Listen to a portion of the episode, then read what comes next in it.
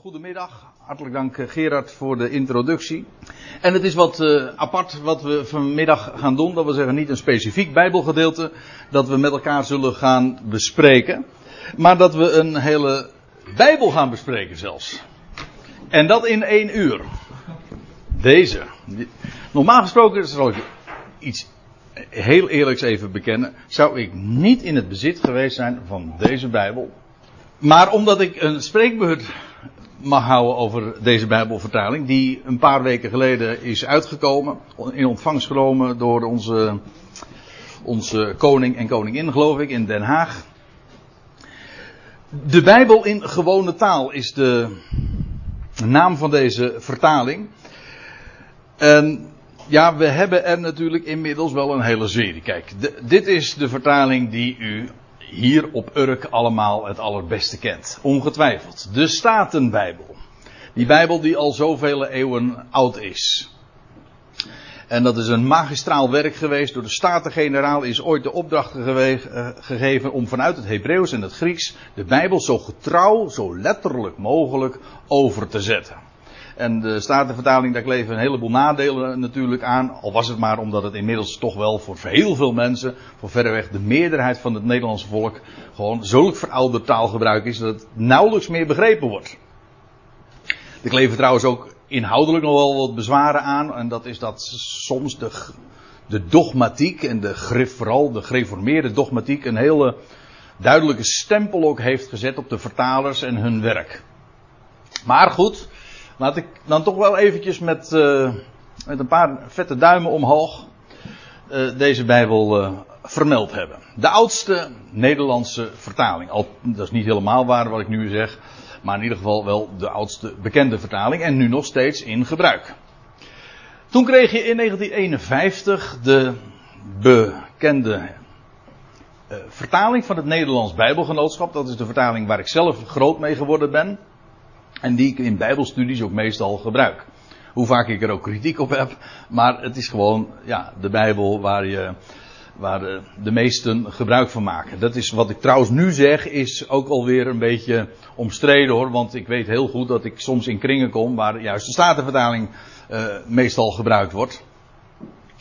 Nou ja, dat uh, maakt dan ook niet zoveel verschil, omdat we toch altijd zoveel als mogelijk naar die grondtekst gaan. Maar uh, nog weer een jaar of wat later, nou dat was, ik schat zo in, begin jaren 80, hou me ten goede, toen kreeg je de Groot Nieuwsbijbel. Dat was een bijbel in heel begrijpelijk Nederlands. Ook een uh, heel andere vertaalmethodiek. De, deze bijbel hing, hangt een beetje zeg maar tussen deze methode. Dat wil zeggen een zo letterlijk mogelijke vertaling, de Statenbijbel. En de Groot Nieuwsbijbel, dat was, ja dat noemen ze een parafrasevertaling. Dat wil zeggen, men geeft het grote geheel dan weer.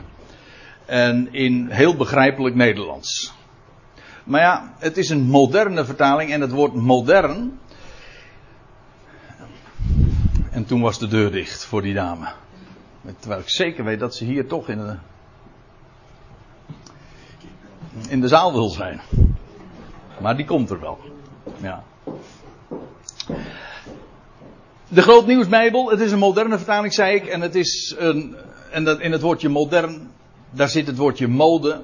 En er is niets wat vergankelijker is en bewegelijker dan uh, de mode. Vandaar ook dat als je eenmaal op die tour gaat, ja, dat je natuurlijk voortdurend moet gaan switchen. Dag mevrouw. Goedemiddag. Hartelijk welkom. En nou ja, toen kreeg je dus de Groot Nieuwsbijbel in de, of de, ja, de Groot Nieuwsbijbel in de jaren 80. Ja, als u daar gaat zitten, dan ziet u helemaal weinig. Ben ik bang. Oké, mooi. En toen kreeg je nog weer een jaar of wat later het boek. Nog weer een, een kleine variatie, zeg maar, in de, qua vertaalmethodiek. Maar in ieder geval, het was heel simpel, begrijpelijk Nederlands. Een jaar of wat geleden, dat moet een jaar of zes, zeven geleden zijn. Ik doe het zomaar een beetje uit het hoofd, ik heb het allemaal niet zo nagekeken. Maar toen kreeg je de nieuwe, de nieuwe Bijbelvertaling, de NBV. En dat is de vertaling die momenteel in gebruik is In in de grotere kerkgenootschappen, bijvoorbeeld de PKN, wordt die doorgaans altijd ook gebruikt. De nieuwe Bijbelvertaling. En dat is eigenlijk de opvolger van deze, die van 51. Maar ook weer een stuk vrijer in de weergave. En, nou kom ik eindelijk bij mijn echte onderwerp voor vanmiddag. De Bijbel in gewone taal. De, afgekort de BGT. Je hebt NBV, ja, je wordt het soms ja, PKN, KPN, ja, je hebt gewoon, hè, hou het allemaal maar eens uit elkaar. Maar de BGT, de Bijbel in gewone taal, die is verschilt in dat opzicht van de nieuwe Bijbelvertaling. Beide zijn ze trouwens uitgegeven door het Nederlands Bijbelgenootschap in Amsterdam. Maar deze Bijbel in gewone taal is nog veel simpeler. Veel gewoner taalgebruik. En eh, ik geloof, als ik, me, als ik goed ben ingelicht, heeft de nieuwe Bijbelvertaling wel een stuk of 12, 13.000 verschillende woorden die gebruikt worden. Maar de Bijbel in gewone taal kent er geloof ik slechts 4500. Dus veel simpeler Nederlands nog. En één ding moet ik ze in ieder geval nageven, want ik zal natuurlijk ook nog wel eens harde noten kraken vanmiddag. Maar één ding kan ik ze nageven. Uh, als je het leest, het leest als een, om het even uh, populair te zeggen, als een tierenlier. Het leest heel makkelijk. Het is, één ding kun je niet ontkennen. Het is heel gewoon taalgebruik. Maar de grote vraag is, het is dan wel een Bijbel in gewone taal, maar is het ook nog gewoon de Bijbel? En ja, en dat verhaal, dat wordt toch echt wat anders. En wat ik nou wil doen vanmiddag, is deze vertaling eens tegen het licht houden. Wat is er nou eigenlijk precies gebeurd? En dat wil ik dan doen, niet aan de hand van een van deze vertalingen. Want ja, dat zou ik uh, bijvoorbeeld kunnen doen aan de hand van de Statenbijbel. Maar is de Statenbijbel dan het eikpunt? Nee, dan willen we zo dicht als mogelijk bij de bron wezen. Gewoon een woord voor woord weergave. En dat is ook wat ik vanmiddag doe. En meestal is het zo dat ik in mijn Bijbelstudies een, hier onderin de dia's een interlineair laat zien. Dat is eigenlijk gewoon een woord voor woord weergave. Heel letterlijk. Dat is, loopt niet echt in, een, in, in onze taal natuurlijk. Maar het is wel zo dicht als mogelijk bij wat de apostelen of wie dan ook van de Bijbelschrijvers hebben opgetekend. Onder inspiratie van Gods geest. De woorden die zij genoteerd hebben, die zijn God geademd, staat er in 2 eh, Timotheus 3.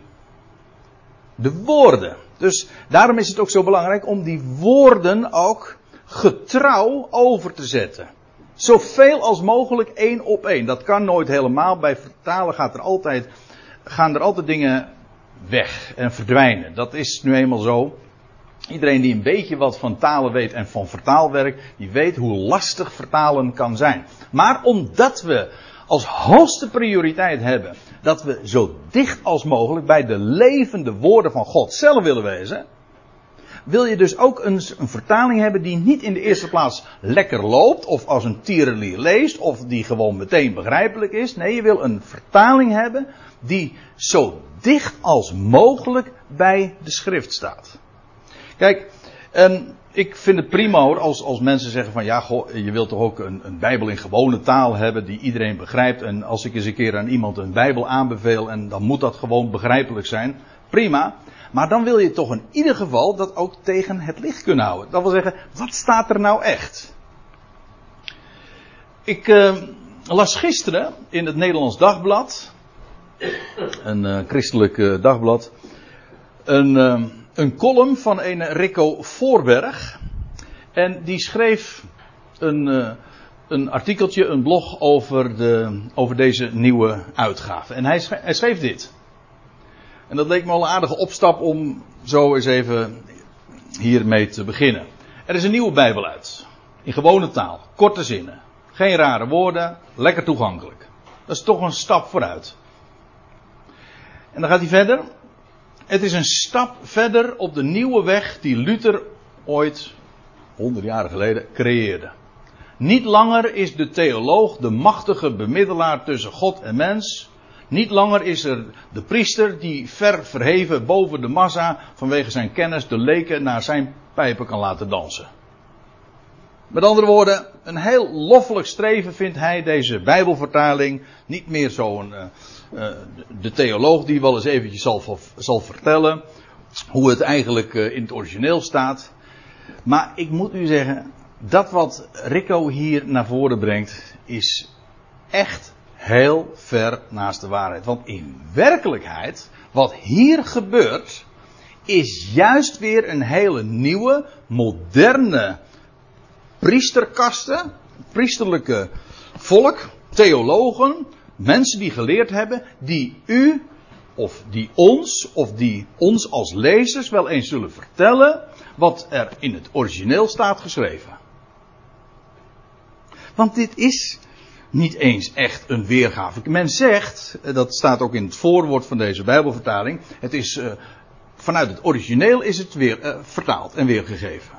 Dus de vertalers, de de, degenen die dit werk hebben gedaan, dat zijn mensen die op de hoogte zijn van het Hebreeuws en het Grieks, experts daarin zijn. En zo hebben zij deze vertaling tot stand gebracht. Maar er zijn zulke verschillen. Zodat je niet echt weet wat er staat geschreven. Maar dat je door zo'n vertaling te lezen, en dat geldt trouwens ook al voor die andere vertalingen die ik zojuist eventjes zo opzonde. Je komt vooral aan de weet wat het begrip was, of zo u wilt, het onbegrip was, van de, de vertalers. Zij geven door dat wat zij denken dat de Bijbel zegt. Maar dat is niet wat we willen. Toch? Kijk, als je nu eventjes het vertaalwerk zo opvalt als een trechter. Wat hier gebeurt, en ik wil dat nu in de eh, komende uren ook eens toelichten is dat men aan de woorden van God toevoegt of weglaat of verandert. En in, en in de praktijk is het een combinatie van die factoren. Nogmaals, ik ga dat nu in het komende uur duidelijk maken, maar ik, ik, dan weet u ook een klein beetje in welke richting het gaat om zeg maar mijn punt te maken. Wat is er overgebleven in deze vertaling? Door deze hele vertaalmethode van het origineel. Gewoon van wat God ooit heeft op laten tekenen. Vanuit het Hebreeuws, vanuit, vanuit het Grieks. Wat is daarvan overgebleven? Nou, dan krijg je dit. Die hele vertaalmethodiek. Door toe te voegen aan de tekst. Door er van af te doen. Als ik het zo zeg trouwens, doet het me heel erg denken aan de laatste woorden die we in het boek Openbaring aantreffen. Dat er gewaarschuwd wordt niet aan toe te doen, niet aan af te doen en ook niet de schrift te veranderen.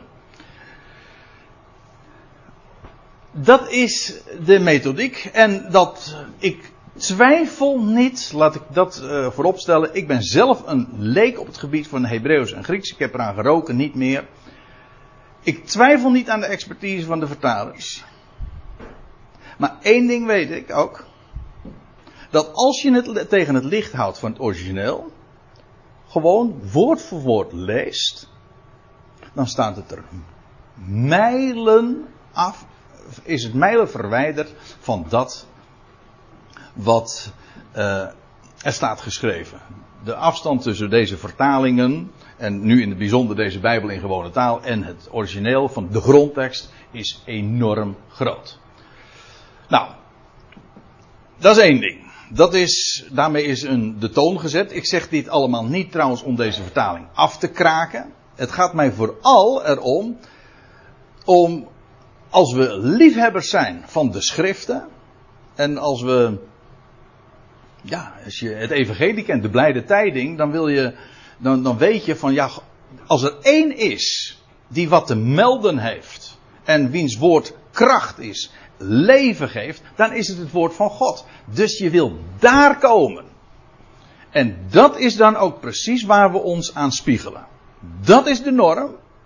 En tegen, aan de hand van die norm beoordelen we vervolgens dat wat zich aan ons aandient. En ik weet dat er eh, heel lovend al is gesproken over deze Bijbel, omdat ze inderdaad zo, zulke gewone taal eh, levert en, en dat het zo lekker leest. Ja, maar is dat de norm?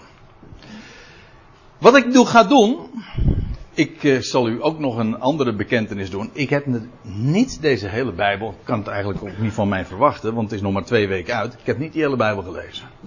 Verre van dat zelfs. Maar wat ik wel gedaan heb, is links en rechts passages, niet zomaar willekeurig, maar ook hele cruciale passages, eens nagelezen en gewoon ook tegen het licht van de schrift. Ik bedoel, met de schrift bedoel ik het origineel. Niet de vertaling, nee, gewoon het origineel houden. En ik wil u één voorbeeld geven uit het Oude Testament. Dat lijkt wat onrechtvaardig om maar één voorbeeld uit het Oude Testament te geven. Maar ja, goed, ik moest toch een keuze maken. Ik heb uit, uiteindelijk zijn het nog weer tientallen voorbeelden geworden waarbij ik, waar ik u graag op wil uh, attenderen. Maar Psalm 19. U kent de psalm wellicht. Het is een prachtige psalm. De hemelen, sommige mensen kennen hem, kunnen hem zo berijmd zelfs zingen. Ik uh, weet eerlijk gezegd de berijmde tekst niet meer letterlijk zo uit mijn hoofd. Maar in ieder geval. Ja, juist, zo was die, ja. Het ruime hemelrond. Dat is de berijmde vorm. De berijmde versie. En wellicht kent u de Statenvertalingversie, de MBG-versie. Die laat ik dus allemaal eventjes vanmiddag links liggen. Maar ik wil u gewoon dan ook meteen meenemen naar die interlineair. En dan ook die woord voor woord weergave. Hier ziet u dan eventjes, u moet vooral letten op die middelste lijn. Dat is wat het Oude Testament betreft alleen nog maar Engels. Tot nu toe tenminste. Maar laat ik eens lezen. Er staat, de, de Bijbel in gewone taal zegt, de hemel vertelt aan alle mensen hoe machtig God is. De hoge hemel laat aan iedereen zien wat God gemaakt heeft, de zon, de maan en de sterren. Nou,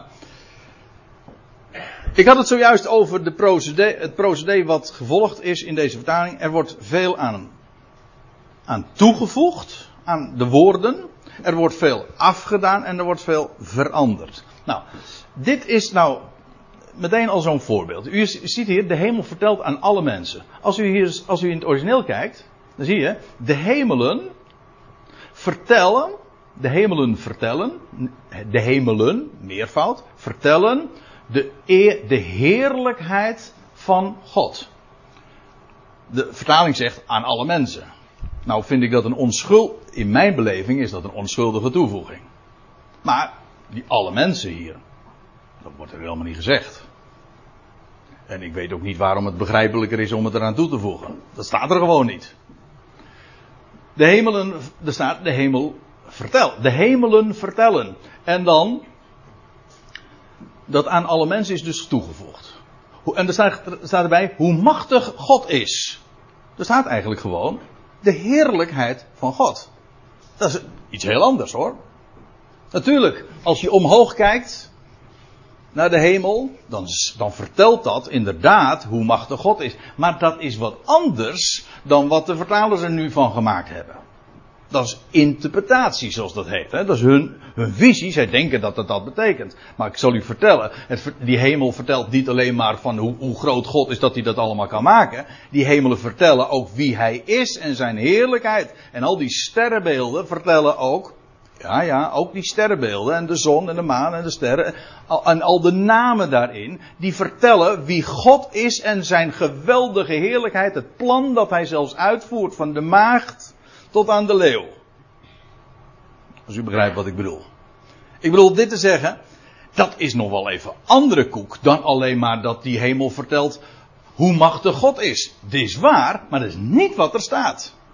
De echte inhoud is zoveel groter en daarom blijf gewoon bij wat er staat geschreven. De hemelen vertellen Gods heerlijkheid. Dat is wat er staat. En zij hebben ervan gemaakt. De hemel vertelt aan alle mensen hoe machtig God is. Dit is, uiteindelijk krijg je dan een reductie op de tekst. Nou, en dan staat er nog bij, de hoge hemel laat aan iedereen zien. Kijk, ik pik er nou zomaar één vers uit. Omdat het ook illustratief is. Je komt gewoon door al die voorbeelden die ik vanmiddag ga geven, kom je ook een beetje aan de weet van, ah, hoe die vertalers te werk zijn gegaan. En, en wat is hun typerend voor hun werkwijze? Nou, hier zie je dus ook weer, de hoge hemel laat aan iedereen zien. Weet u wat er staat? Ze, ze, vertalen, laat aan iedereen zien. Maar in de vertaling, of pardon, in het origineel, wordt gewoon het, het woord gebruikt voor vertellen. Niet, het, wat is het verschil? Nou, zien doe je met de ogen. En uh, dat vertellen, daar word je van op de hoogte gebracht door middel van het gehoor. En men denkt dat het heel duidelijk is. Kijk, de hemel vertelt. En ze hebben weergegeven, de hoge hemel laat aan iedereen zien. Ja, je ziet het toch? Dat is logisch geredeneerd. Maar de, nee, de truc is helemaal het foute woord. De, de grap in het boek, uh, in deze psalm 19, is juist dat die dingen juist heel duidelijk worden verwisseld. In Psalm 19, even kort, gaat het over, het eerste gedeelte gaat over, over de hemelen. En het tweede gedeelte gaat over de schriften. Gods Torah, de wet, de Heer is volmaakt. En weet je wat nou zo bijzonder is? Het eerste gedeelte vertelt dan, eh, of laat dat gebruikt eh, het oor, de hemelen vertellen, ze verkondigen. En wat die wet doet, dan worden juist andere zintuigen aangesproken. Er staat er bijvoorbeeld, die verlicht de ogen. De wet des Heren verlicht de ogen. Dus je krijgt een rolsverwisseling. God openbaart zich in de schrift, in de natuur, aan de hemel en in de schriftuur. Maar wij zouden zeggen van nou, in de natuur zien we het en in de schriften horen we het. Nee, in Psalm 19 wordt precies omgekeerd. In de hemelen vertellen en, in, en Gods woord verlicht. Dat is niet voor niks. Dat is juist om daarmee ook aan te geven dat God zich op tweeërlei wijze openbaart. Eigenlijk is die, die hemel boven ons gewoon een Bijbel. Die verkondigt. En die schrift, dat is eigenlijk een schepping. Die verlicht ons. wij zouden zeggen het is omgekeerd. Nee, die schrift Psalm 19 ja, gebruikt juist heel welbewust deze woorden. Dus als je wil weten wat er echt staat, dan word je hier met zo'n weergave niet gediend. Nou ja, dan staat er nog bij: de hoge hemel laat aan iedereen zien wat God gemaakt heeft. Nou, dat staat er niet. Er staat, en dan nog, ook nog erbij de zon, de maan en de sterren. Nou, die zon en de maan en de sterren worden helemaal niet genoemd. U zegt, ja, maar daar gaat het toch over? Ja, dat, dat, zal, dat zal wel. Maar dat staat er niet. Het, ze, laten, ze vertellen het werk van zijn handen. En ook dat alles wat hij doet. Dat is, dat is nog wel wat anders dan alleen maar wat God gemaakt heeft, de zon, de maan en de sterren. Ziet u? Er is, er is heel veel uitleg hierbij waarvan de vertalers denken, de lezer moet weten dat het zo is. Ja, maar daarmee zijn ze, vervullen ze feitelijk weer de functie van die de priesters ooit dachten, nou, door tussen God en het volk gaan in, te staan. En te vertellen van zo en zo moet je denken. Dat en dat is de betekenis. Vroeger deden ze dat in Latijn en nu in gewoon Nederlands. Dat kan ook. Nou, we gaan eens naar Lucas. Ik wil ook wat voorbeelden geven uit de Evangelie. Ja, ik zie dat heel veel mensen zo meebladeren, dat is een goed idee. Ik wil voorbeelden geven uit de, uit de Evangelie. Ook nog uit de, de geschriften van de besnijdenis. Jacobus, Petrus en Johannes. En vooral wil ik stilstaan ook bij de apostel van de natie. De apostel waarbij wij vooral toch in de leer zijn en gaan.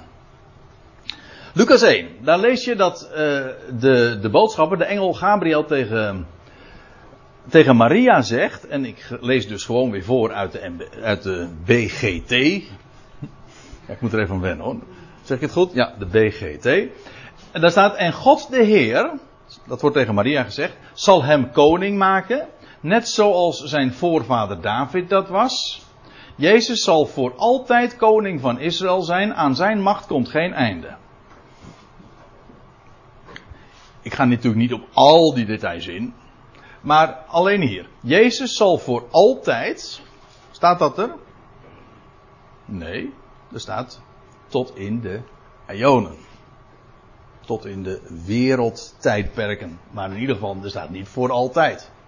Eén ding weet ik namelijk heel zeker. Jezus zal niet altijd koning zijn. Hij moet heersen. Totdat hij al zijn vijanden gesteld zal hebben tot een voetbank voor zijn voeten. En dan zal hij het koninkrijk overdragen. Dus hij heerst niet voor altijd. Hij zal koning zijn totdat. Hier staat voor altijd. Is dat een weergave van het, van het origineel? Nee. Er staat helemaal niet voor altijd. Er staat tot in de Ionen. Wat dat voor enge dingen zijn, dat, daar hebben we het nu even niet over. Hm? Ja, ik zeg het zo, omdat voor veel mensen het is een heel eng begrip. Die gaan helemaal stuiteren als ze dat horen. Maar dat is wel gewoon, dat zijn de woorden die we in de, in de schrift gewoon tegenkomen. En dat willen we weten. En er staat er nog bij, aan zijn macht komt geen einde. Nou, dat staat er niet. Aan het koninkrijk van hem komt geen einde. Nee, dat is waar. Want hij moet heersen tot dat. En wat gebeurt er dan? Dan zal het koninkrijk. Nou gebruik ik termen die we in 1 Korinthe 15 vinden. Dan zal hij het koninkrijk overdragen aan zijn God en Vader. Dat koninkrijk, daar komt geen einde aan. Maar zoals het hier staat, en aan zijn macht komt geen einde. Zo staat het er niet. Nou, nog wel wat verder. Uh, Lucas 18. Vers 29. Jij moet veel bladeren hoor, vanmiddag. Lucas 18, vers. En deze weergave is ook trouwens vrij karakteristiek voor, de, voor deze BGT. Want uh, soms dan geven ze de versnummering op deze manier weer. 29, 30, dat wil zeggen twee versen worden als het ware in één zin ja, weergegeven. Zodat je dat niet allemaal meer precies kunt traceren. Nou, dan staat er Jezus antwoorden, luister goed naar mijn woorden. Als je kiest voor Gods nieuwe wereld. Weet je wat er staat? Dat is een uitdrukking die heel veel keren voorkomt in het Nieuwe Testament. Gods nieuwe wereld. Maar weet je wat er staat? Gewoon het koninkrijk van God. Dat geven ze altijd weer met Gods nieuwe wereld. Dus het koninkrijk is helemaal verdwenen. En het is een nieuwe wereld geworden.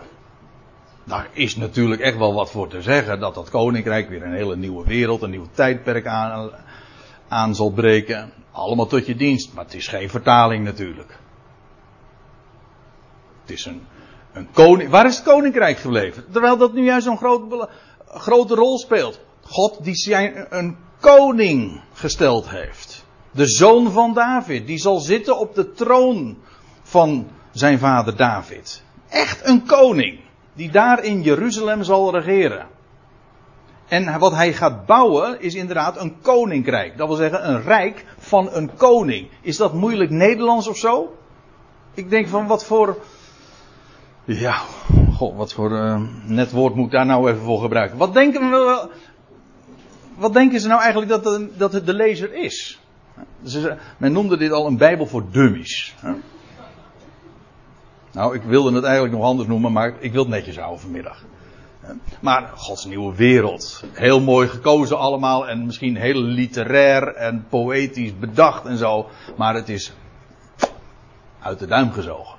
Staat er niet. Het is het koninkrijk van de God.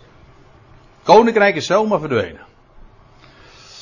Nou, en als je dan nog even verder leest, dan staat er. En als Gods. Uh, dus, dus nog steeds dat citaat dat Jezus hier dus geeft. En als Gods nieuwe wereld komt, krijg je het eeuwige leven. Uh, en als Gods nieuwe wereld komt, weet je wat er staat? En in de komende aion. Dat is ook dus dus hier twee keer de uitdrukking Gods nieuwe wereld. Hier is het de weergave. De eerste keer is de weergave van Gods koninkrijk. En de tweede keer is het de weergave van de komende aion. Is dat vertalen? Moet je daar expert voor zijn om het zo weer te geven?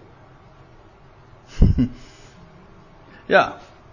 En hier weer die, die komende aion. En, en weet je wat de, de narigheid is? Daardoor raak je ook de draad kwijt, juist als lezer. Want je wordt, vervolgens krijg je die, die term het eeuwige leven. Wat is dat eeuwige leven? Nou, juist een tekst als deze maakt dat zo glashelder wat dat eeuwige leven is. Want in het origineel staat er dan, en in de komende aion, het leven, het ionische leven, het eeuwige leven, het leven van die eeuw in die toekomende aion. Het eeuwige leven, dat is de definitie in het origineel, is het leven van die komende aion. Dat is het eeuwige leven. Komt dat in deze vertaling tot uitdrukking? Integendeel, men maskeert juist die duidelijke definitie en uitleg. Met woorden die men gewoon verzonnen heeft. Waardoor ook dit begrip, het eeuwige leven, volkomen in het duister blijft. En men wilde graag in gewone taal iets duidelijk maken. Maar wat men doet, is het juist versluieren en verduisteren. Dat is ernstig. We zullen echt wel eens lachen om allerlei keuzes die ze gemaakt hebben. Want uh, ja, kijk, het is ernstig. Maar het is ook wel weer heel typerend van wat de mens doet. God geeft zijn kostbaar woord. De schriften. Die waarvan Psalm 12 zegt, ze zijn zevenvoudig gelouterd. En we krijgen ze in handen. En experts zeggen, laat dat maar aan ons over. Wij, wij vertellen het volk wel even wat het betekent. Nou, dan krijg je dit als resultaat. In Gods nieuwe wereld krijg je het eeuwige leven. Nou, allemaal heel mooi bedacht en verzonnen. Maar het is niet wat er staat. Nou, Johannes 1. Dat is een bekende passage. Johannes 1. Daar staat, u weet hem hè. In het begin was het woord, dus het woord was bij God, het woord was het woord was God. Nou ja, uh, laten we even niet de, eh, de, andere vertalingen citeren. Maar meteen maar even vertellen en lezen wat de, de Bijbel in gewone taal zegt. In het begin was Gods zoon er al. Oh, wat staat er? In het. Ik, iedere keer als ik het hier vet druk, dan geef ik het onderaan weer hoe het origineel het zegt. Er staat niet in het begin was Gods zoon er al. Er staat in het begin was het woord waardoor alle dingen geworden zijn. Dat is dan vers 3. God sprak, dat was er. Zijn woord was er al. Maar zij hebben ervan gemaakt, was Gods zoon er al. Wordt hier gesproken over de zoon? Nee. Ik heb het nou even niet over theologie en wat het betekent. Het gaat er nu even puur om, wat staat er? God sprak. Het gaat om zijn woord. En hier heeft men ervan gemaakt, Gods zoon was er al. En er staat erbij, en hij was zelf God. Maar er staat er niet, en God was het woord. Zo staat het er. Dat wil zeggen, voor zover God gekend werd, was het door zijn woord. God sprak en het was er. Men kon hem niet zien. God is zo. Dat staat trouwens uh, in vers. Wat is het? Vers 18 van Johannes 1. Niemand heeft ooit God gezien. Nee, maar hij sprak wel. Er, is, er zijn licht en er was licht. Dus voor zover God gekend was en werd, was dat middels zijn woord. Maar dit is theologie. Er zit ook een hele drie-eenheidsdogma zit er nog weer in. Maar we willen niet getrakteerd worden op dogmatiek. We willen weten wat er staat. Nou, dan lees ik even verder in vers 14 van dat Johannes-evangelie. Van Johannes 1 dus. En dan staat er, Gods zoon is een mens geworden. Wat staat er? Nou, er staat gewoon: het woord is vlees geworden. Of letterlijk, het woord werd vlees. Gods zoon is een mens geworden. Dan is dus de gedachte, hij was al Gods zoon en vervolgens is hij mens geworden. Dat staat er niet.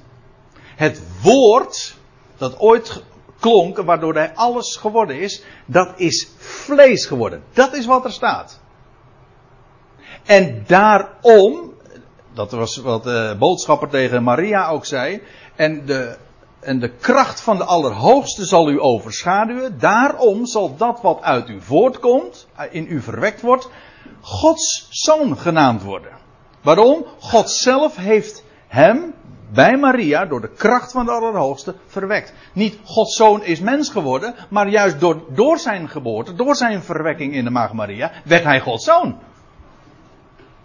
En later ook door zijn opstanding. Maar in ieder geval zoals de boodschapper dat tegen Maria zegt. Niet Gods zoon is mens geworden. Ook hier weer moet je zeggen, dit is dogmatiek, dit is theologie, algemeen geaccepteerd, allemaal tot je dienst. Maar het enige waar we nu even naar kijken is, staat dat er? En dan, zeggen, stellen we gewoon vast, nee, dat staat er niet. Nou, laten we nog even verder kijken in deze, één zo'n zin. Gods zoon is mens geworden, staat er dus niet. Hij heeft bij ons gewoond, onder ons getabernakeld. In, hebben, in hem hebben wij Gods hemelse macht gezien. Hemelse macht, wat staat er? Dat is de, dat is, er staat de heerlijkheid van hem. Er is wel wat voor te zeggen. Maar over macht wordt niet gesproken en over de hemel wordt ook niet gesproken. Er wordt gezegd, de Heer, er wordt gesproken over Gods heerlijkheid. Waar is de heerlijkheid hier gebleven? Nou, die is verdwenen en men heeft er iets gemaakt van hemelse macht. Is heerlijkheid soms geen begrijpelijk woord? Geen gewone taal? Hemelse macht dan wel? Ik, zelfs ook de logica ontgaat mij hier. Nou, lezen we nog even verder in hetzelfde vers. In hem waren Gods liefde en trouw volledig aanwezig. Er staat. Uh, een heerlijkheid als van de enige geboren van de Vader. Vol van genade en waarheid. Dat is wat er staat. En men heeft ervan gemaakt. In hem waren Gods liefde. Dus dat is. Gods genade is vervangen door Gods liefde. Heeft dat niks met elkaar te maken? Ja, ongetwijfeld. Maar het zijn wel verschillende begrippen. En waarheid, waar is dat gebleven? Nou, dat is vervangen door trouw. Heeft dat niks met elkaar te maken? Dan zeg ik weer, ongetwijfeld. Maar het zijn verschillende dingen. Ziet u? Nou, we gaan nog maar even verder. Uh, we gaan nou eventjes van de evangelie. Ik, ik, zei al, we, gaan, we moeten natuurlijk, als we de hele Bijbel willen bespreken, met zeven mijls lazen zomaar wat, wat, wat passages nemen. En ik wil de volle focus vooral op de brieven van Paulus laten schijnen. En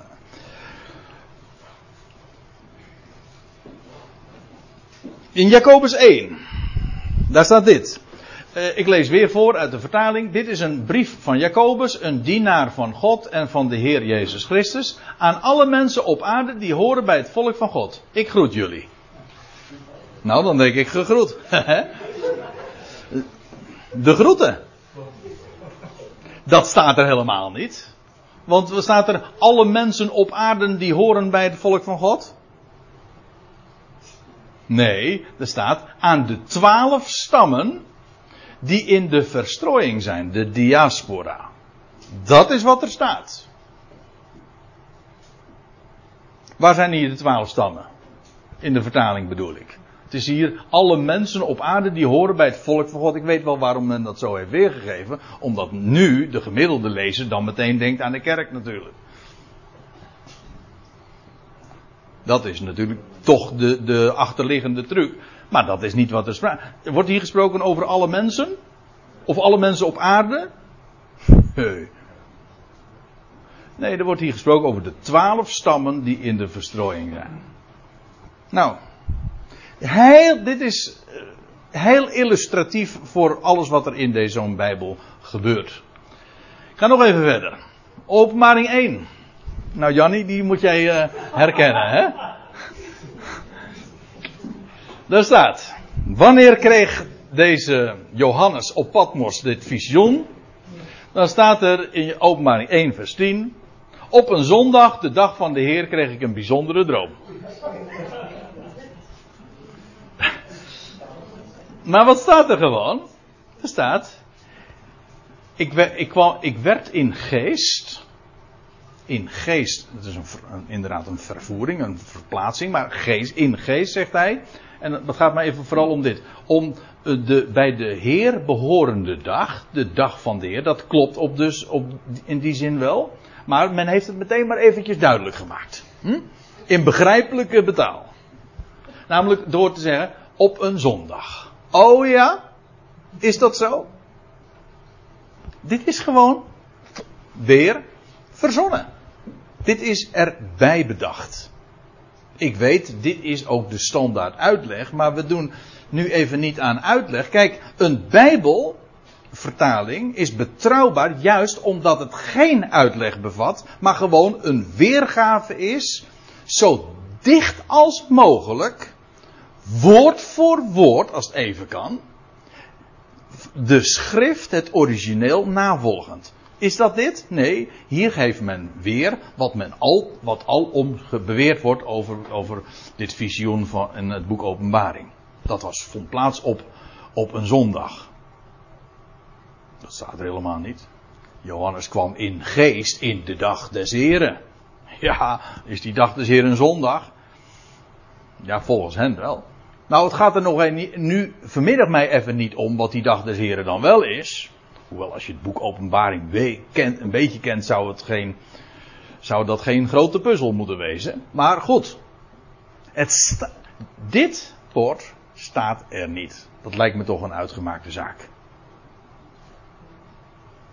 Dus die Rick of Voorberg, ik, moet, ik, ik, neem zijn woorden weer even in herinnering van gelukkig, hè, eindelijk een Bijbel in gewone taal. Geen kerklatijn meer, geen, geen bemiddeling meer van, van, tussen God en het volk door, door theologen. Nou, meer dan ooit tevoren. Hij maakte zich echt blij met een dode mus. Want is, dat is gewoon niet waar. Nou, nu gaan we vanaf eh, dit moment gaan we verder met de brieven van Paulus. Ik had echt eh, duizenden voorbeelden kunnen geven, maar goed, eh, een uur met een aantal, een tientallen voorbeelden lijkt me toch genoeg om toch een enige indruk te geven. En ik heb het grootste gedeelte van deze van deze presentatie gaat over het onderwijs van de apostel en leermeester van de natie. Ik bedoel, dat is degene voor wie wij, uh, waar we in de meest directe zin ook mee te maken hebben. Nou, laat ik uh, gewoon maar beginnen bij het begin. Ik, bij de brieven van Paulus, Romeinen 3, vers 23. Want staat er dan in de vertaling, want alle, de, alle mensen doen verkeerde dingen. Wat staat er? Allen, want allen zondigden. Is dat zelf verkeerde dingen? Dat verkeerde dingen, dat is al, uh, dat klinkt vrij, zoals dat heet, moralistisch. Zondigen, dat is doelmissen in de Bijbel. Maar goed. Het lijkt mij dus een beetje een verkeerde eh, weergave dus. Hè? Daar, en, en dan gaat de vertaler verder. De vertaling verder. Daardoor leeft niemand dicht bij God. Er staat, en in de Statenvertaling staat er geloof ik, en de NBG ook, um, een derven de heerlijkheid Gods. Zij geven het weer met daardoor leeft niemand dicht bij God. Alsof je in een kleuterklas zit, denk ik dan. als, zoals het nu wordt weergegeven. Waar is de, waar is de heerlijkheid van God hier gebleven? En, en hier wordt de associatie gemaakt dichtbij of ver af. Nee, dat is dat niet. Ze komen tekort aan Gods heerlijkheid. Maar, staat er in vers 24, maar God wil de mensen redden. Dat is dan de weergave van dit woord, gerechtvaardigd wordende. God wil, dat staat er helemaal niet. De mensen, maar redden. Nee, er staat, er wordt niet gesproken over redden, er wordt gesproken over rechtvaardiging. En dan staat er, hij vergeeft de zonden. Nou, laat ik u dit vertellen. Dat is dan de weergave van deze. Door de verlossing die in Christus Jezus is. En die verlossing wordt dan weergegeven met, hij, hij vergeeft de zonden. Maar verlossing, dat is letterlijk het loskopen. Vrij, vrijmaken door een, door een prijs daarvoor te betalen. Dat is verlossing. Waar is die verlossing, die vrijkoping hier gebleven? Men heeft het veranderd in vergeving. Maar dat zijn twee totaal verschillende begrippen. En men heeft een woorden toegevoegd, de zonden. Waar wordt hier gesproken over de zonde? En dan staat erbij, van iedereen die gelooft in Jezus Christus. Weet u wat er staat? Dat is de weergave van de, de verlossing die in Christus Jezus is. Hier, hier wordt helemaal niet gesproken over iedereen die gelooft in Jezus Christus. Trouwens, er staat niet eens Jezus Christus, er staat Christus Jezus. Trouwens, dat hebben ze standaard altijd zo omgegooid. Want Christus Jezus begrijpt niemand. Is kennelijk de gedachte, want waarom zouden ze het anders dat veranderd hebben? De Bijbel spreekt heel vaak over Jezus Christus, maar Paulus gebruikt bijna standaard de uitdrukking Christus Jezus. Oh, dat betekent niks, wij, het, wij weten het beter, wij gooien het gewoon weer om. Het is allemaal verzonnen. En die geweldige schriftplaats van allen zondigden en derven komen tekort aan Gods heerlijkheid en worden om niet gerechtvaardigd door zijn genade. Dat is helemaal in de mist verdwenen. Door die zogenaamde begrijpelijke, gewone taal. Die geweldige aanzegging van die ene, enerzijds alle zondigen, allen derven de heerlijkheid Gods. En allen worden om niet gerechtvaardigd door zijn genade. Om niet, inderdaad. Maar wat blijft daarvan over? Niks. En eigen menselijke gedachten, van experts, dat wel, worden eraan toegevoegd. Maar het is levenloos, krachteloos, het is, het is niet scherp. Nee, dat is alleen Gods woord, dat is scherp. Tweesnijdend. Ja, dan staat er nog zo goed wil God voor ons zijn. Dat is dan de weergave van, eh, door de, of in de genade van Hem. Zo goed wil God voor ons zijn. Nou ja. Uh, dat laat ik maar eventjes. Trek zelf uw conclusie. Uh, Romeinen 4, we gaan nog even verder in de Romeinenbrief. Van Romeinen 3 naar 4, daar vind je in vers 5. Maar niemand verdient het om door God gered te worden het is niet degene die werkt, staat er dan. Maar goed, zij geven het weer. Maar niemand verdient het om door God gered te worden. Je moet er dus op vertrouwen dat God je wil redden. Ook al ben je een slecht mens. Als je dat gelooft, ziet God je als een goed mens. Dat is Romeinen 4 vers 5. En ik, eh, ik hoor aan uw lach van dat u meeleest in uw eigen Bijbel. En denkt van, goh, is mogelijk zeg. Dat ze dat ervan kunnen brouwen. Nou, eens eventjes dit. Je moet er dus op vertrouwen dat God je wil redden. Er wordt helemaal niet over redden gesproken. Er wordt ook hier weer over rechtvaardiging gesproken. Het is, is heel anders. Rechtvaardig verklaren. En dan staat er, je moet erop vertrouwen. Nee, er staat gelovende. Niet degene die werkt. Dat wil zeggen iets doet om te verdienen. Niet degene die werkt. Maar die gelooft tegenwoordig tijd, gelovende. Degene die rechtvaardigt. En dan staat er, ook al ben je een slecht mens. Nee, dat staat er niet. De, niet degene die werkt, degene die gelooft, degene die vertrouwt op hem, op degene die rechtvaardigt de goddeloze of de oneerbiedige. En dan staat erbij, de, en dan, zo geeft men dan, dan weer, de, die ziet God als een goed mens. Maar dat staat er niet. Het wordt dat geloof wordt gerekend tot, rechtvaardig, tot rechtvaardigheid. En heeft men weergegeven, gereduceerd met dat ziet God op een, een, een goed mens. Nee, en ook hier weer, het is zo'n krachtig vers. Eerst wordt er gewezen op Abraham, dat is vers 4. Abraham die naar boven keek en God zegt, zo zal jouw nageslacht zijn. Een onvoorwaardelijke belofte. God zei niet van als jij gelooft, dan zal ik dat vervullen. Nee, dat is de belofte. En Abraham geloofde God. En dan staat er van, ja, het is niet degene die werkt. Maar degene die gelooft dat God de goddeloze rechtvaardigt, wordt het geloof gerekend tot gerechtigheid. Wat is daarvan over? Dat het echt genade is. Dat God de goddeloze rechtvaardigt. Ja, ik weet wel.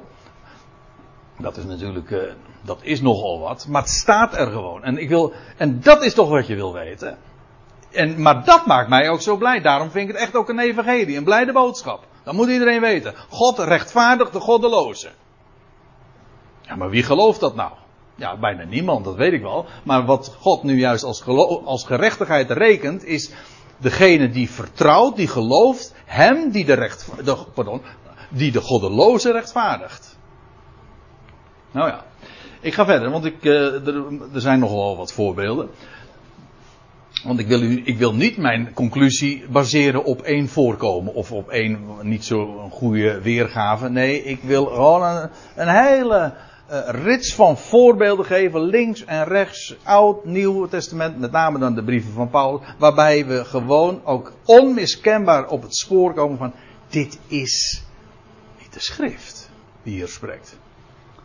Nou, Romeinen 5, vers 12. Door één mens, Adam, kwam de zonde in de wereld. En door de zonde kwam de dood in de wereld. En omdat alle mensen na Adam verkeerde dingen deden, kwam de dood voor iedereen.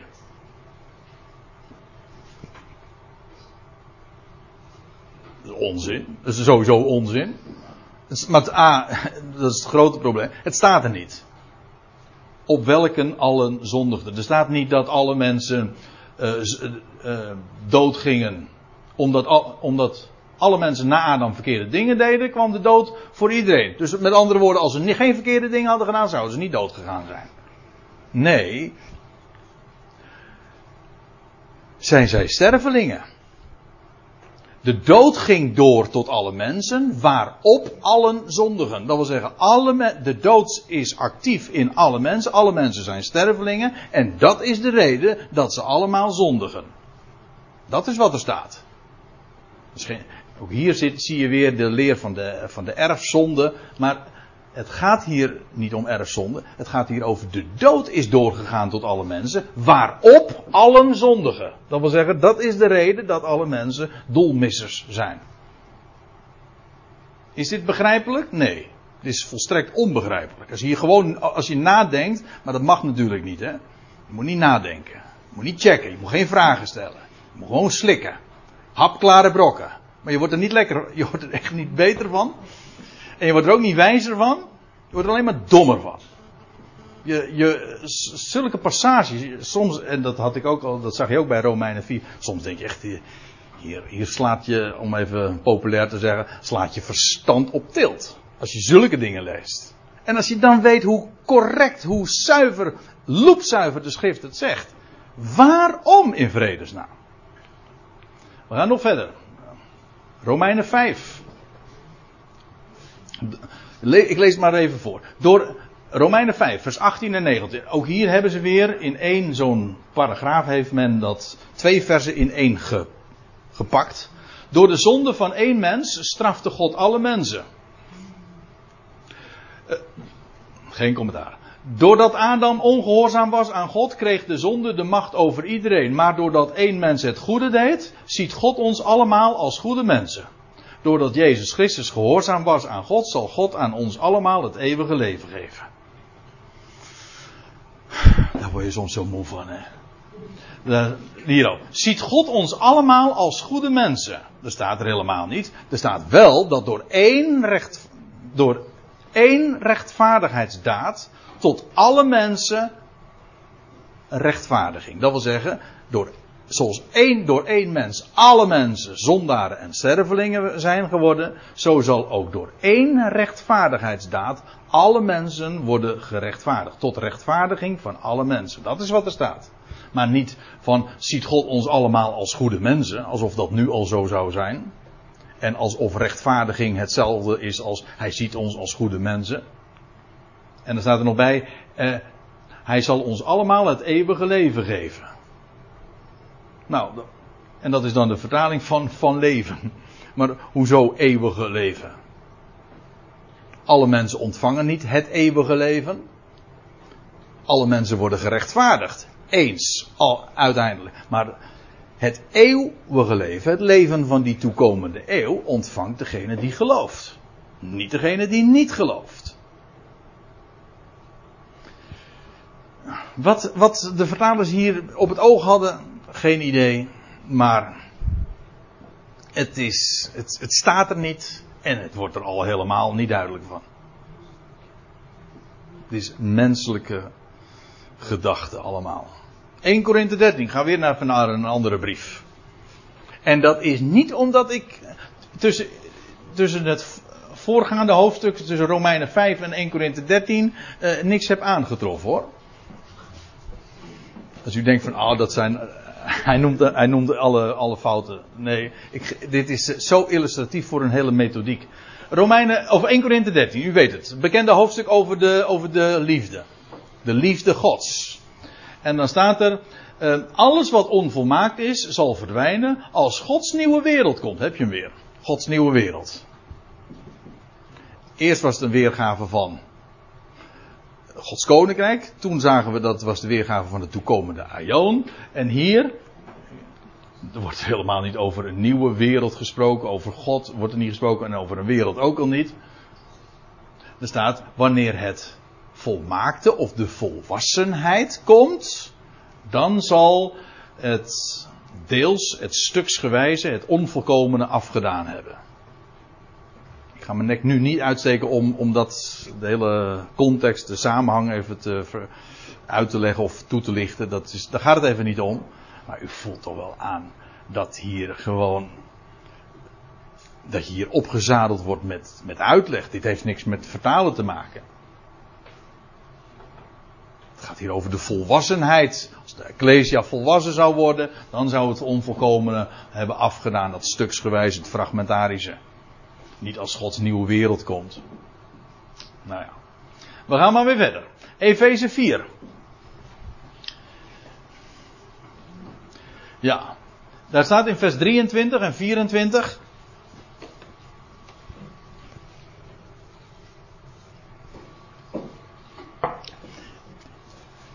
Maar jullie moeten nu, gaan moeten nu gaan leven als nieuwe mensen.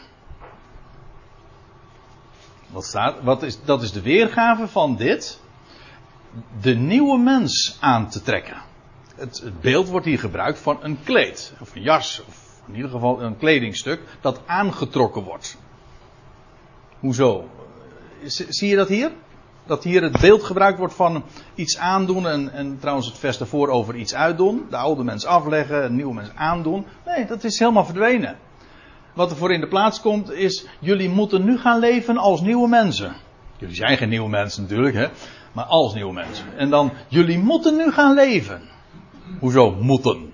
Waar staat moeten? Nou, er komen trouwens nog een paar voorbeelden. Dat is. Dit zijn vertalingen, die hebben de reputatie modern te zijn en vrij. Dat zijn vrije vertalingen, zeggen ze. Maar je, wil niet weten hoe vaak dat woord moeten er voorkomt, terwijl het er helemaal niet staat. En dat zijn dan vrije vertalingen. Maar je moet wat hoor. Lees die brieven maar op na. En als je dat dan kijkt, en de, vooral als je de Statenvertaling hebt, die ouderwetse Statenvertaling, daar zie je het heel vaak nog heel correct. Daar staat het woordje moeten helemaal niet. En hoe moderner de vertaling, ik heb wel eens een keertje een statistiek daarvan doorgegeven. Ik heb, ik heb me er eens een keertje wat meer in verdiept en die vertalingen zo vergeleken. Hoe moderner de vertaler, hoe meer er gemoeten wordt. Oh, hoe zeg je dat goed Nederlands? Hoe meer, laten we het, eh, laten we het, laat ik het, laat ik het goed zeggen. Hoe meer we moeten. En wij, wij komen hier bij elkaar. Zo hou, ik hou ervan om, zo te om er zo aan te denken. Wij komen hier bij elkaar om te weten wat de schrift echt zegt. En dat is echt ontmoeting. Want dan komen we erachter hoe geweldig de schrift is. En zo leren we elkaar echt ook kennen in dat woord en in de schrift. En dat is, ja. Ontmoeting. En daar staat nog even verder. Daardoor weten jullie nu. Daardoor weten jullie, pardon. Dat je eerlijk en heilig moet leven. Je hebt je weer, moet leven. Dat is waarvoor God de mensen gemaakt heeft. Dat is de weergave met overeenkomstig uh, zoals God hem geschapen heeft, in rechtvaardigheid en heiligheid. Van waarheid. Dat is dan eerlijk en heilig geworden. En je moet leven, staat er allemaal niet. En bovendien, dat is waarvoor God de mensen gemaakt heeft. Alsof dat een doel is, maar de, de essentie is nu juist dat God dat schept. In rechtvaardigheid en hij in rechtschapenheid en waarheid. Al die begrippen, rechtschapenheid, heiligheid, waarheid, het, wordt, verdwijnt. Het is verdwenen. Oh. Efeze 1. Nou, die is ook. Efeze 1, u weet het al. Dat die geweldige lofzang. Uh, op, op wat God geeft in zijn zoon Christus Jezus. De schatkamer van God. En dan staat er alle eer aan God, de Vader van onze Heer Jezus Christus.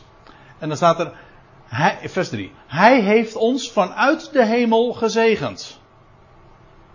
Dat is de weergave van dat Hij ons zegent, niet vanuit de hemel, maar in de hemel, of letterlijk te midden van de hemelsen gezegend. Hij heeft ons niet vanuit de hemel gezegend, maar hij heeft ons gezegend in het hemelse. En dan uh, met, ja, daar staat er dan nog mij, met alle geestelijke zegen. Waar, waar, waar zie je dat hier nog? Dat hij ons, dat hij ons zegent met elke geestelijke zegen. De, MBG, de MBG-vertaling was ook al een enorme reductie, want die had van alle, allerlei gemaakt. U ziet het hier trouwens. Die onderste regel, dat heb ik er nog niet eens bij gezegd, maar die onderste regel die je licht grijs ziet. Dat is ook een beetje typologie, hè? Lichtgrijs, uh, dat is. Uh, dat is al niet meer zwart op wit, maar dat is de MBG. Met gezegend met allerlei geestelijke zegen. Er staat niet allerlei, er staat alle. Elke. En dan in, in, in de hemel, of te midden van de hemelse, in Christus. En dan zij hebben gezegd, vanuit de hemel. Alsof het, dat alleen maar, alsof het om de bron in gaat. Van waaruit gezegend wordt. Dat staat er niet. Zij zeggen vanuit, maar er staat in. Want hij heeft ons de Heilige Geest gegeven omdat we bij Christus horen. Dat is de weergave van dit woord. In Christus. Dit is er allemaal bij bedacht. Allemaal. Er wordt helemaal niet gesproken over de Heilige Geest. En dat die gegeven is. Omdat we bij Christus horen. Dat staat er niet. Hij heeft ons. Hij zegent ons met alle geestelijke zegen te midden van de hemelsen in Christus. Dit heeft men er allemaal bij bedacht. Zogenaamd om ons allemaal duidelijker te maken.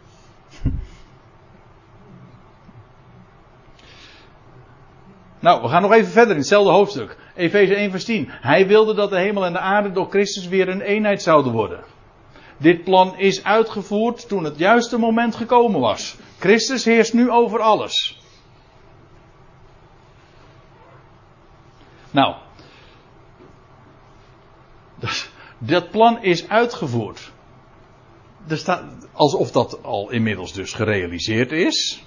Dat staat er helemaal niet. Er wordt gesproken over tot in het beheer of tot in de economie of uh, voor degene die de Statenvertaling gebruikt, tot in de bedeling. Helemaal verdwenen.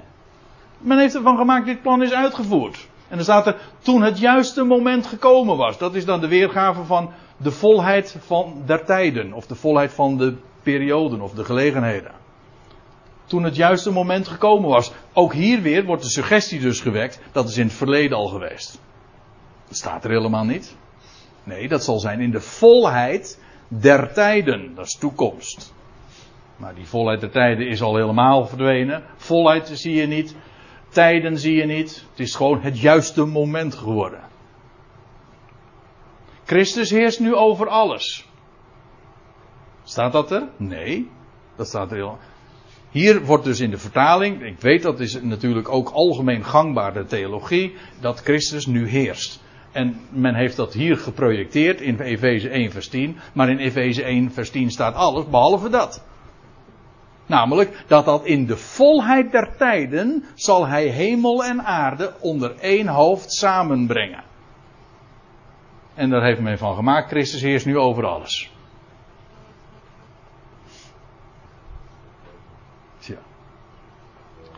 Ja, ik zie, ik zie dat u steeds, zich steeds minder verbaast, want u denkt iedere keer van, nou god, uh,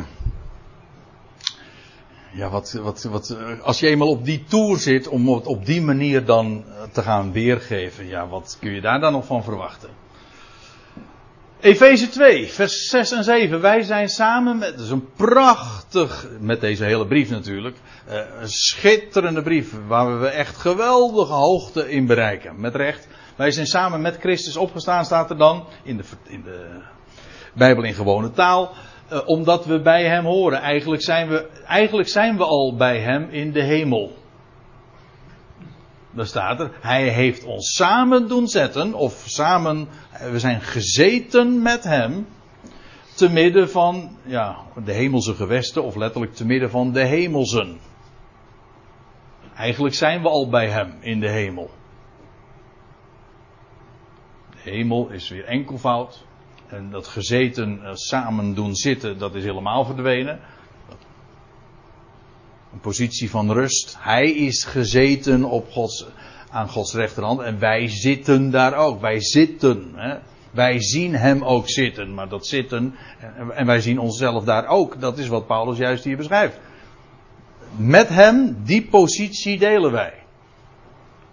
En dan staat er, zo heeft God voor altijd en eeuwig laten zien. Dat is de weergave van, opdat hij in de komende ionen zou tonen. Voor altijd en eeuwig laten zien. Dus dat is dan de weergave van de komende ionen. En hier, ook hier weer de gedachte van alsof dat al in het verleden zou zijn. Terwijl het juist gaat over de komende ionen. Zal hij dat gaan betonen. Dat wil zeggen, hij plaatst degene die nu gelooft in Christus Jezus, die wordt geplaatst, die is gezamen met hem gezeten, dat is de positie, daar met hem. Om in de komende ionen, ja, niet om zodat God voor altijd en eeuwig dat al heeft laten zien. Dat, hele toekomende element en die, die wereldtijdperken die nog gaan komen, zijn hier compleet verdwenen. Hoe groot, en dan staat erbij hoe groot zijn goedheid is. Dat wil zeggen, dat is dan de weergave van de overtreffende rijkdom van zijn genade.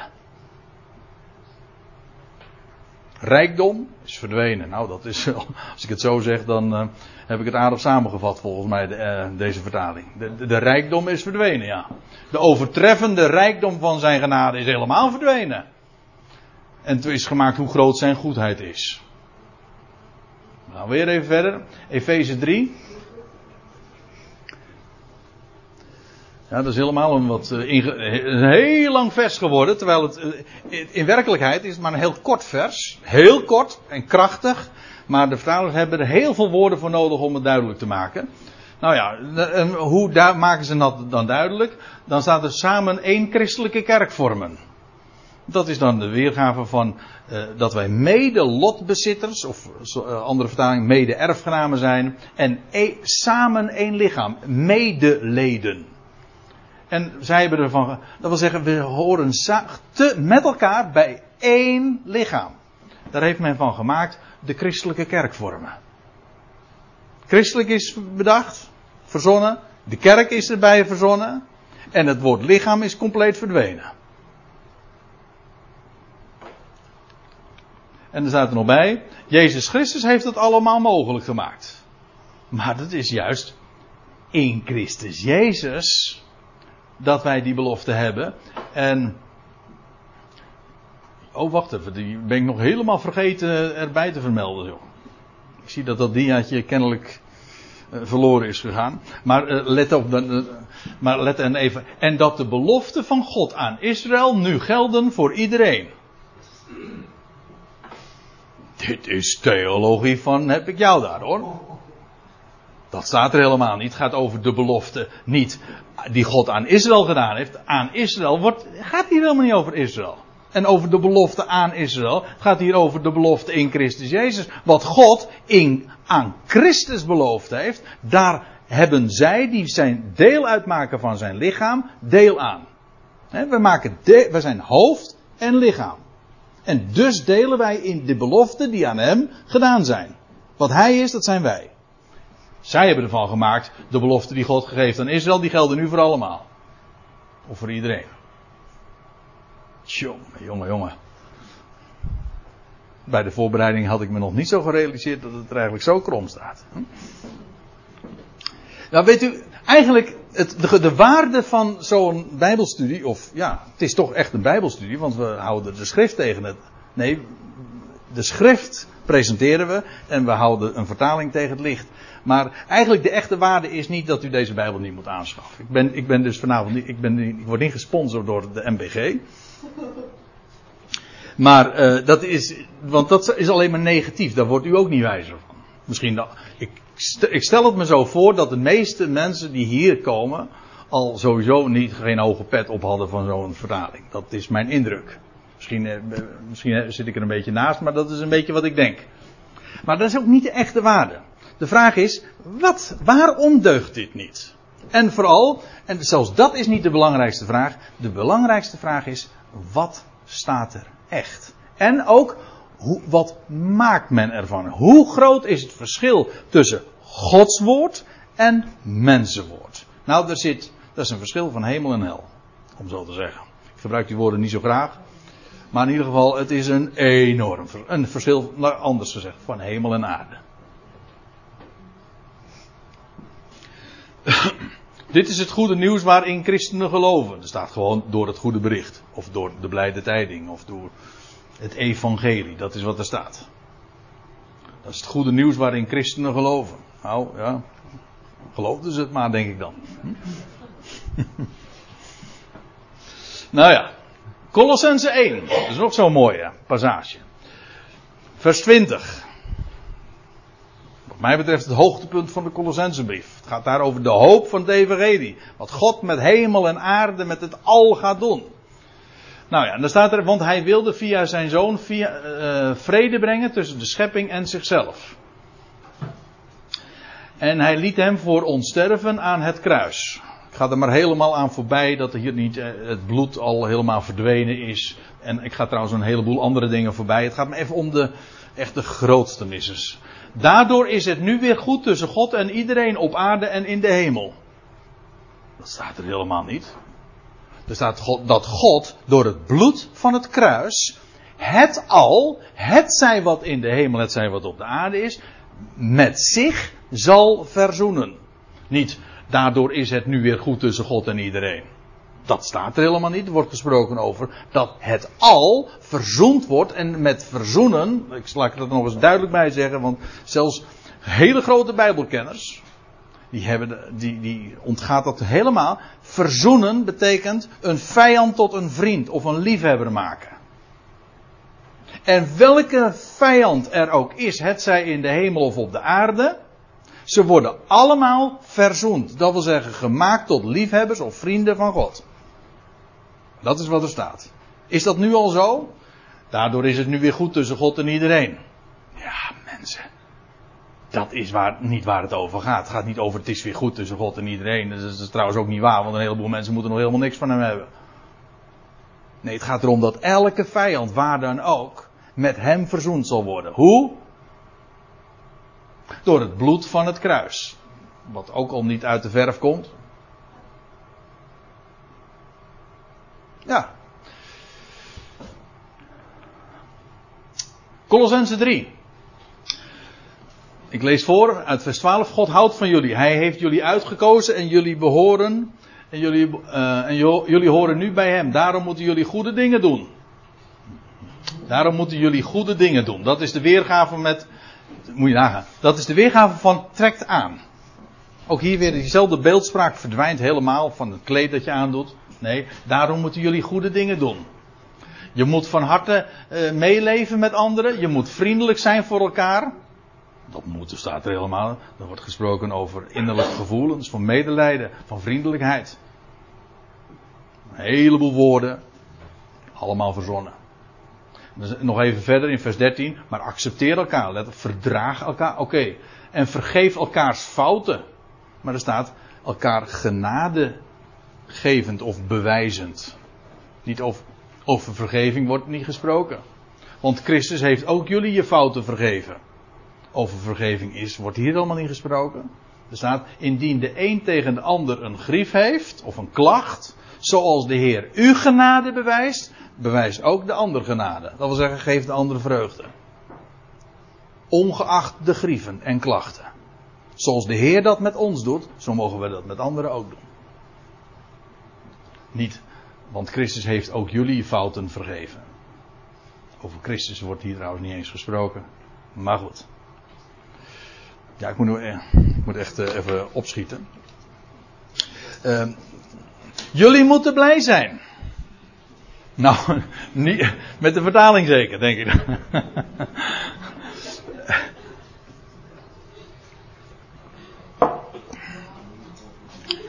Filippenzen 4, vers 4. Nou, alleen al, je moet blij zijn. Als ik ergens niet blij van word, is het van, eh, je moet blij zijn. Maar dat is ook helemaal niet wat er staat. Verheug je in Heer. Dat er een Heer is die je eigenaar is. Die van wie alles is. Verheug je daarin. Niet je moet blij zijn. Nee, er wordt gewezen meteen op de bron. Die de, hij die wat zo blij maakt. Namelijk het feit dat hij Heer is. Hij heeft alles gekocht en betaald. Alles behoort hem toe. Dat is de grote troost, toch? Dat is de catechismus. Ik citeer ook eens de catechismus, zondag 1. Wat is uw enige troost in leven en sterven? Dat ik het eigendom ben van hem. Nou, ik heb goed nieuws voor u. Alles en iedereen is zijn eigendom. Ze weten het nog niet, maar ja. Degene die het weten, die, of die het geacht worden te weten, die willen er niet aan. En verteld wordt het ook al niet. Maar dat is juist zo geweldig. Je bent zijn eigendom. De prijs is voor je betaald. Daar ligt het niet aan. Nou ja, jullie moeten blij zijn. Uh, ik ga nog even verder. 1 Thessalonica 4. Ja, ik denk dat ik er maar een paar over moet gaan slaan, want ik, uh, ik kom er nooit allemaal uh, bij al die voorbeelden. Maar goed, jullie moeten een heilig leven leiden. Dat staat er niet. God, wat God wil is de heiliging. Dat is wat God wil. Niet jullie moeten een. Ziet u hoe, hoe vaak we nu struikelen? Want ja, als, je, als je eenmaal weet hoe het zit, dan struikel je erover. Hè? Jullie moeten een heilig leven leiden. En je op seksueel gebied goed gedragen.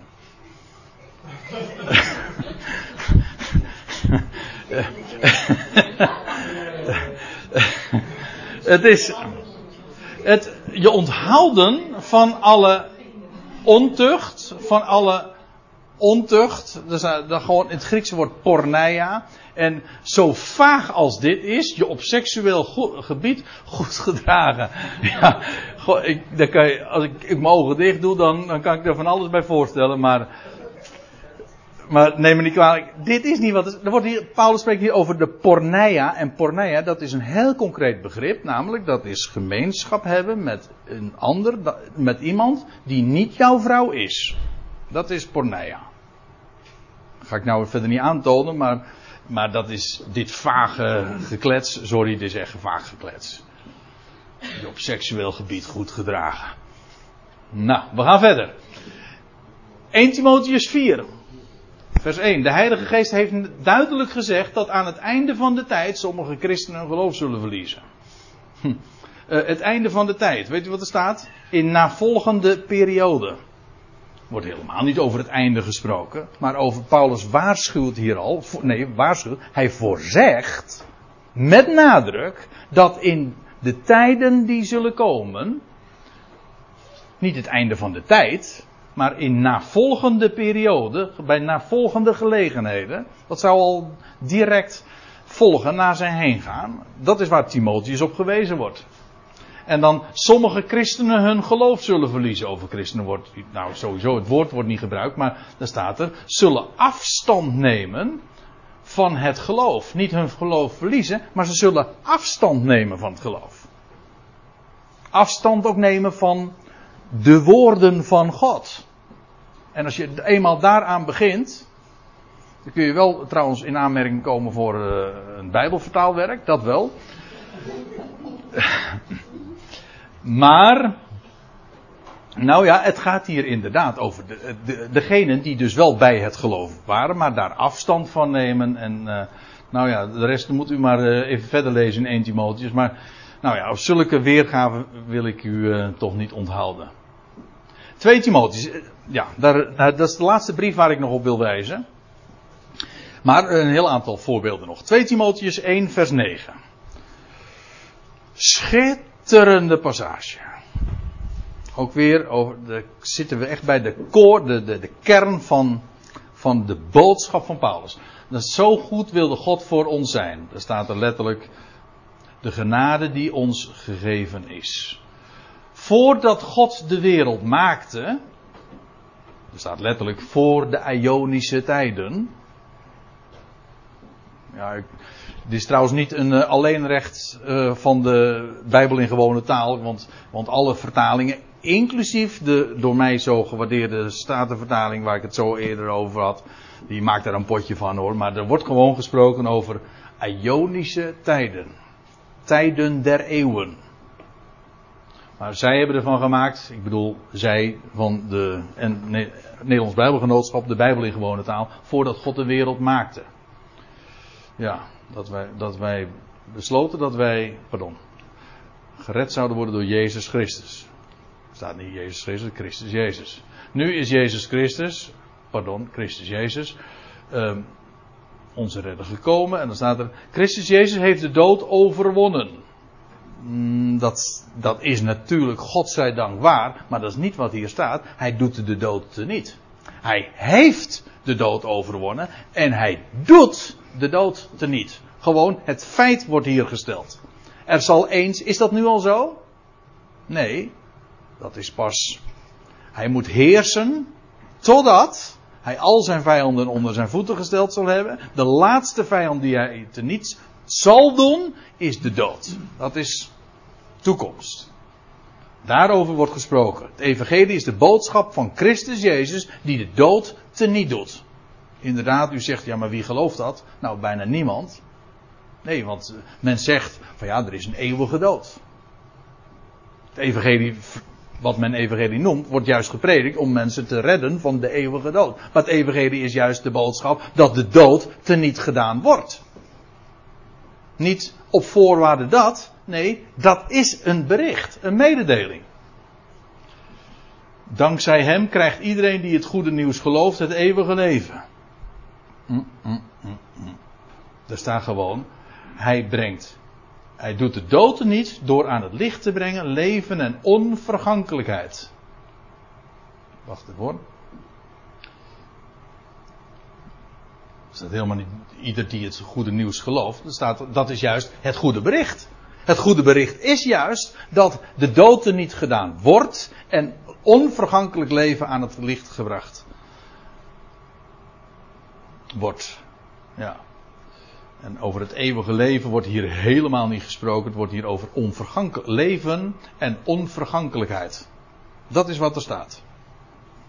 Het eeuwige leven is een heel ander ding. Nou, nou komen we in 2 Timotheus 3, vers 17.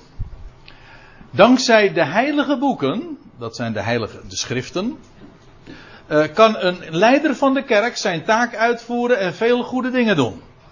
Oh.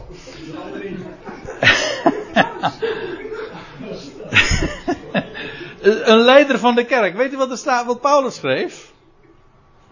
Nou, niet over een leider en ook niet over de kerk. Hij schreef opdat de mens Gods.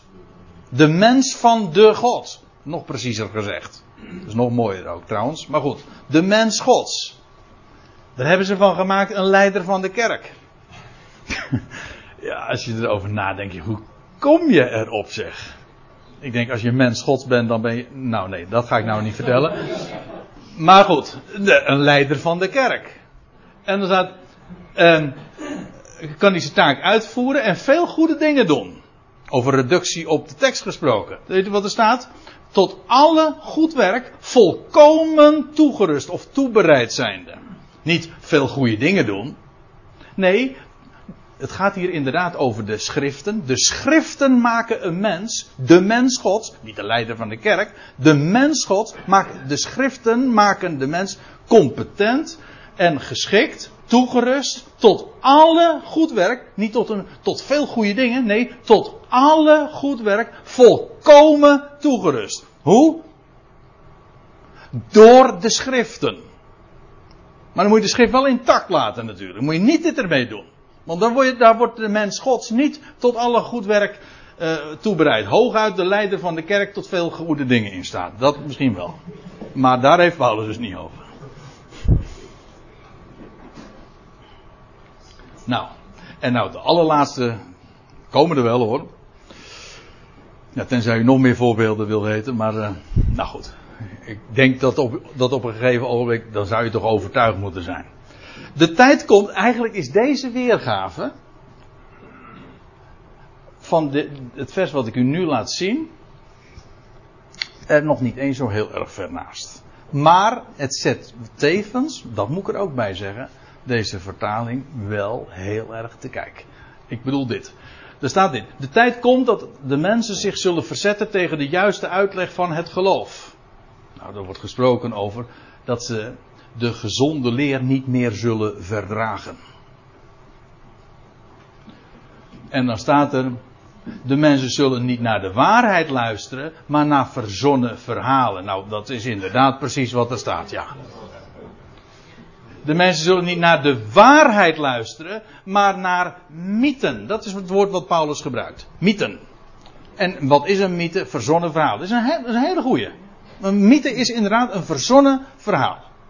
Dus laten we ook eh, de, deze BGT de credits geven. Dit klopt. Maar juist omdat dit zo klopt, klopt de vertaling dus niet. Of ik bedoel, deze, dit hele project is daarom, gaat zo vierkant de mist in. Ze zullen leraren zoeken die passen bij hun eigen ideeën en die zeggen wat ze graag horen. Nou, ik zou zeggen, wie de schoen past, trekken hem aan. Want dat is wat ze doen. En als je dan expert, expertise hebt in het Hebreeuws en het Grieks, dan meld je je aan en dan kun je zo'n Bijbel produceren. En dan kun je zeggen, ja, maar dat is toch, dat wij zijn niet de eerste de beste. Nou, dan krijg je, ze zullen leraren zoeken die passen bij hun eigen ideeën en die zeggen wat ze graag horen. Niet wat er staat, geschreven. En dit is precies ook wat er gebeurd is. Die tijd zou komen, de gezonde leer wordt niet meer verdragen. Dus op het moment, ik zou zeggen, check het. Vertel gewoon de gezonde leer. Wat is de gezonde leer? Gewoon dat wat Paulus onderwees. Gewoon. De schrift. Het origineel. Vertel het maar eens een keer. En dan, en dan merken wat, er, wat de reactie is. Je krijgt allergische reacties te horen.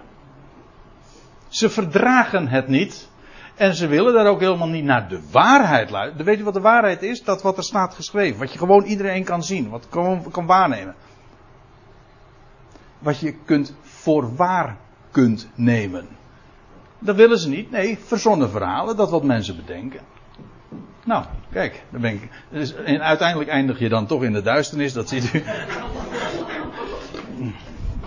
Maar, ik moet u zeggen, het licht van het, de schrift, dat is nou weer, weer het voordeel van zulke vertalingen, gaat des te meer door dat contrast, des te helderder schijnen. Dat vind ik wel het grote voordeel. En als ik u in ieder geval dat heb duidelijk gemaakt vanmiddag, dan, is, uh, dan zijn we hier niet voor niks bij elkaar geweest. Um, als u interesse hebt nog in een Bijbel. ik heb er eentje voor 28,5 euro gekocht, omdat ik vanmiddag niet. Uh, omdat, ja, ik wilde toch weten waar ik het over had, natuurlijk. Ja, maar nu heb ik er wel een Bijbel over. In gewone taal, dat waar.